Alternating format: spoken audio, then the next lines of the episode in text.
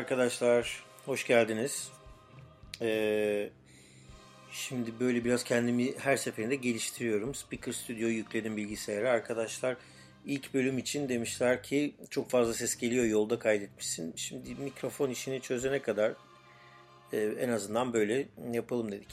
Neyse bugün e, ben haftada bir böyle konuşmaya çalışacağım size. Bugün bir şey olma üzerine konuşmak istiyorum.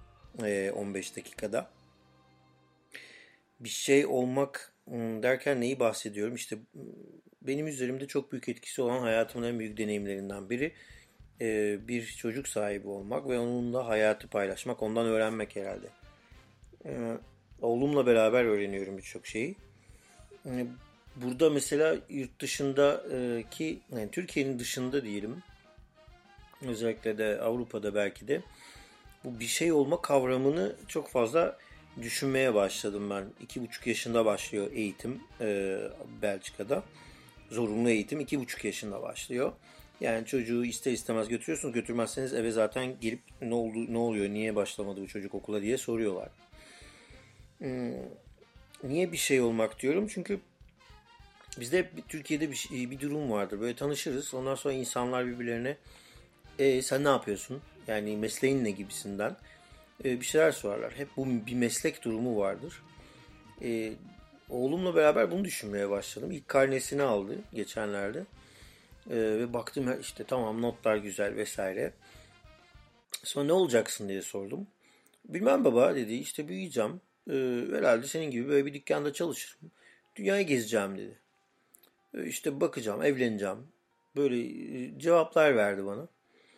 Hmm, çok ilginç tabii bu yani biz çocukken belki böyle sorduklarında hani Türkiye'de doktor olacağım, e, polis olacağım, işte avukat olacağım gibi şeyler söylerler ya. Neyse tabii oğlumun gazeteci olmasını beklediğimden değil yani bir şey diyeceğinden değil. Ama bu bir şey olma meselesini o gün düşünmeye başladım. Daha doğrusu biraz böyle bir sürü derinlemesine e, insanlar e, düşünmeye başlıyor.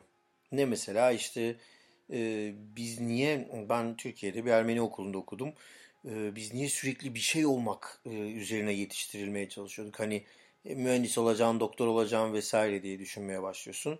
E, illa bir şey olmanın alemi var mı yani e, bu hayatta diye düşünmeye başlıyorsun. E, sonuçta ben makine mühendisliği okudum. E, olmadım. Gazetecilik o, o yaptım. E, şimdi gazetecilik bile yapmıyorum günlük hayatımda. işte hani bir iş yani bir blog Fransızca'da burada Belçika'da blog diyorlar. Yani bir işte bir, bir amaç, bir şey, bir şey yapıyorsun işte günlük hayatta bunu yapıyorsun iş olarak e, oluyor. Ama biz Türkiye'de büyütülürken sanki böyle bu günlük hayatta yaptığımız şey bizim hayatımızın tamamını kaplar olmuş. Yani gazetecilik bir hani hani şey yaparlar ya doktorluk bir meslek değil bir hayat e, biçimidir. E, işte mankenlik bir meslek değil bir hayat biçimidir. Şarkıcılık bir meslek değil hayat biçimidir. Hadi belki sanatı bir yere ayırabiliriz. Hmm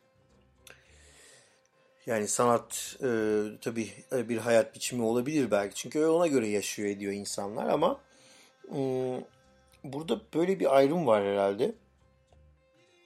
Aslında benim de hoşuma gitti bu e, durum bu şekilde oluyor olması. Neden? E, çünkü illa böyle makine mühendisi bilmem ne falan olmaya gerek yok. Hayat bu işte. Bir şeyler yapıyorsun günlük hayatta e, kazanmak için ama devam edersin hayatın istediğin gibi yaşarsın gibi bir e, amaç veriyorlar çocuklara. Çok ilginç. E, özellikle biz Ermenilerde, Türkiye'de bu daha da fazla var. Neden diye de öyle düşünürken bir kere Linda'nın bana bir eleştirisi vardı. Siz sürekli bir şeyler yapmak için e, okullarda yetiştirilmişsiniz. Sanki hep başınıza bir e, boyunuzdan fazla ağırlık vermişler Ermeni okullarında diyordu e, aslında doğru yani baş, üstümüze bu e, yüklenemeyeceğimiz bir ağırlık e, veriliyor. Ermeni okullarında okuyan Türkiye'deki insanlara. Niye mi? İşte yani sonuçta bir neslin devamını sağlamak zorundasınız. Evlenip çocuk yapacaksınız, o ülkeye şey getireceksiniz, kendi toplumunuza bir yardımınız dokunacak. E, e bunu e, öte yandan e, toplumu ayakta kalabilmesi için zaten bir avuç insan kalmışsınız. Onu mu e, yani bir işte dernek falan filan böyle bir şeylere gideceksiniz. Vakıfa yöneticilik yapacaksınız. E, bir taraftan hayatınızı mı geçireceksiniz? Yani hmm, bir sürü şey. O yüzden mesela Ermeni okullarından yetişen çocukların hep böyle 2-3 tane faaliyeti oluyor. Ya işte e, mühendis oluyor ama Kore'ye gidiyor. E, işte e, pazarlamacı oluyor, inşaat şirketinde e, çalışıyor günlük hayatta ama bir ikinci hayatı var falan böyle. Bir de kurumsal bir e, cemaat hayatı var, toplumsal bir hayatı var. Bir de kurumsal günlük bir iş hayatı var gibi oluyor.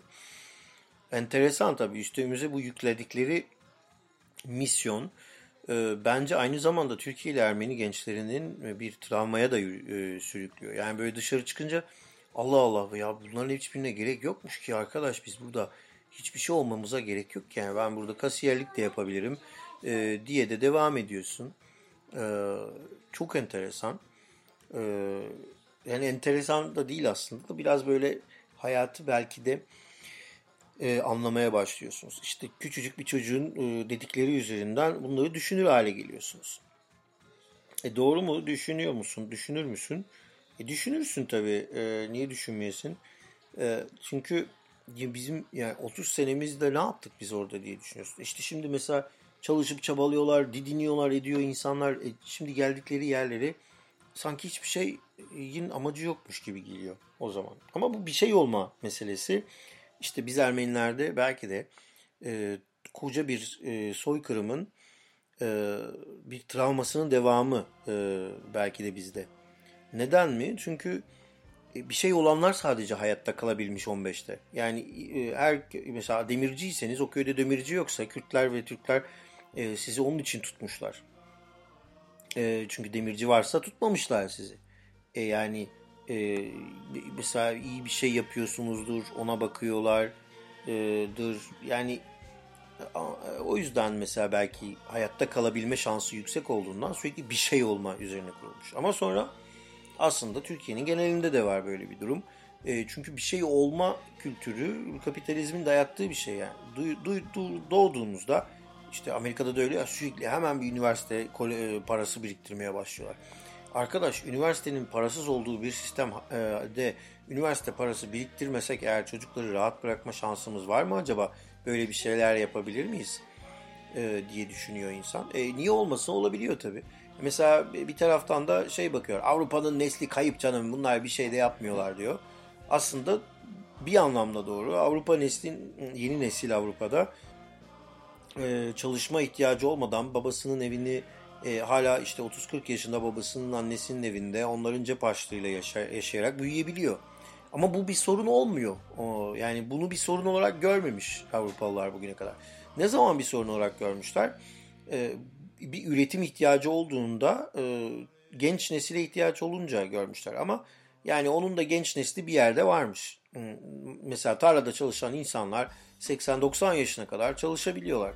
E onlar çocuklarına öğrettiklerinde, öğrettiklerinde e, bu işi öyle devam ediyor. Sadece bir kısım var ki, bir kısım var ki gerçekten e, bu işi bırakmış ve e, yani devam ettirmek istemiyor annesinin babasının mesleğini. E, onlar da sabahdan akşam bira içerek geçiriyorlar. Belki de Erdoğan'ın arada bir böyle parmak soktuğu e, durum bu. Evet ben de Köln'e gittiğimde sokakta sabahtan akşama bira içen insanlar görüyorum. Ya da Belçika'da sabah 11'de bira içmeye giden insanlar var. Ama bu e, üretimi etkilediği zaman düşünmeye başlamışlar ne oluyor diye. E, sürekli olarak da bir göç olunca Avrupa'ya doğru e, demişler ki bunlar onlar çalışsın biz niye çalışalım diyorlar. Yani burada da mesela e, ilginç gelen ilk nesil işte çalışıyor. ikinci nesil bir eski bir ev alıyor, e, eski binayı restore ediyor e, onu kiraya veriyor. İşte orta sınıf oluyor. Zaten buraya gelerek bir bir sınıf atlamış oluyor Türkiye'ye göre. E, sonra evi aldıktan sonra ikinciyi, üçüncüyü alıyor. Zengin oldum vesaireye girip kendine bir villa alıyor. E, ama sonunda geldiği yerde bir şey yok ki. Hiçbir şey yapmamış. Bu memleketin kendi yani kendi lokal alanındaki hiçbir konuyla ilgilenmemiş. Çok e, ilginç tespitler de duyuyorum. Dün Ziya Ulusoy'dan duymuştum bu tespiti. Ee, mesela Avrupa'daki Türk ve Kürt e, ve diğer e, e, Türkiye'li halkların kendi dertleri dışında Avrupa'nın mesela yaşadığı mahallede eğer bir sorun varsa ona katılma, onunla ilgili bir eyleme katılma oranı çok düşük. Yani mesela bugün eğer Rojava için sokağa çıkan Türkiye'deki demokratik demokratikleşme hareketi, muhalefete destek için, gazeteciler için sokağa çıkan Avrupalıları görüyoruz Avrupa'da. Ama Avrupa'da işte mesela çöpler toplanmadığı için ya da işçi hakları için sokağa çıkan Türk işçiler görmüyoruz.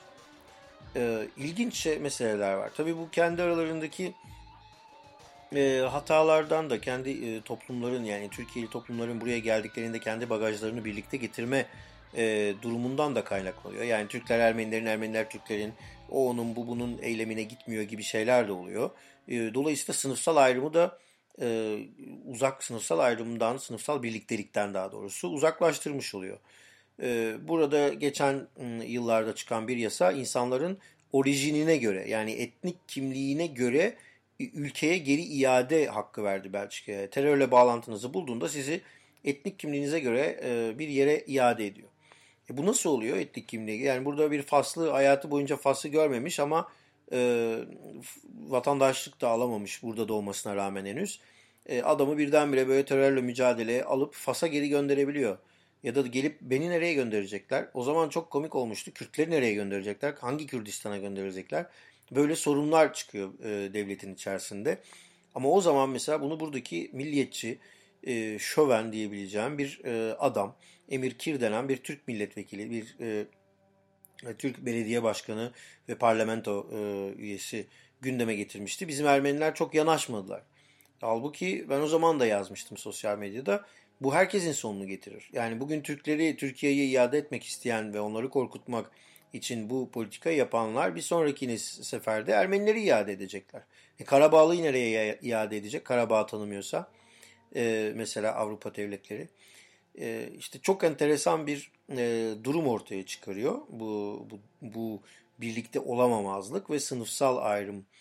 E, tabii bu işte hep, hepsinin bir şeyler olma kaygısından da kaynaklanıyor bence. Bu bir şey olma e, çok enteresan bir durum. E, ee, bir şey de olmaya da biliriz bence. Yani bugün diyeceğim buydu bir şey.